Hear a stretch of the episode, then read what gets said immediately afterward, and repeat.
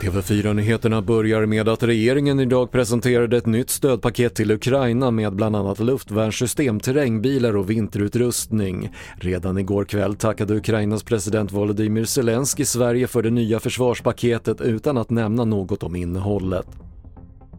En person greps och anhölls under natten efter att en ung man hittades död utomhus på Söder i Gävle igår kväll. Polisen sa då att skador på kroppen pekar på att mannen utsatts för brott men man säger till Gävle Dagblad att det är oklart om det misstänkta mordet har koppling till senaste tidens våldsbrott i Gävle. 3, 2, 1. Boosters in ignition. And liftoff of Artemis 1.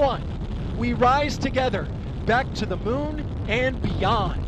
Månraketen Artemis 1 sköts upp från Florida under morgonen för 25 dygn i rymden. Den obemannade farkosten är NASAs nästa steg i att återigen skicka människor till månen där planen är att bygga en basstation för att underlätta framtida expeditioner till Mars.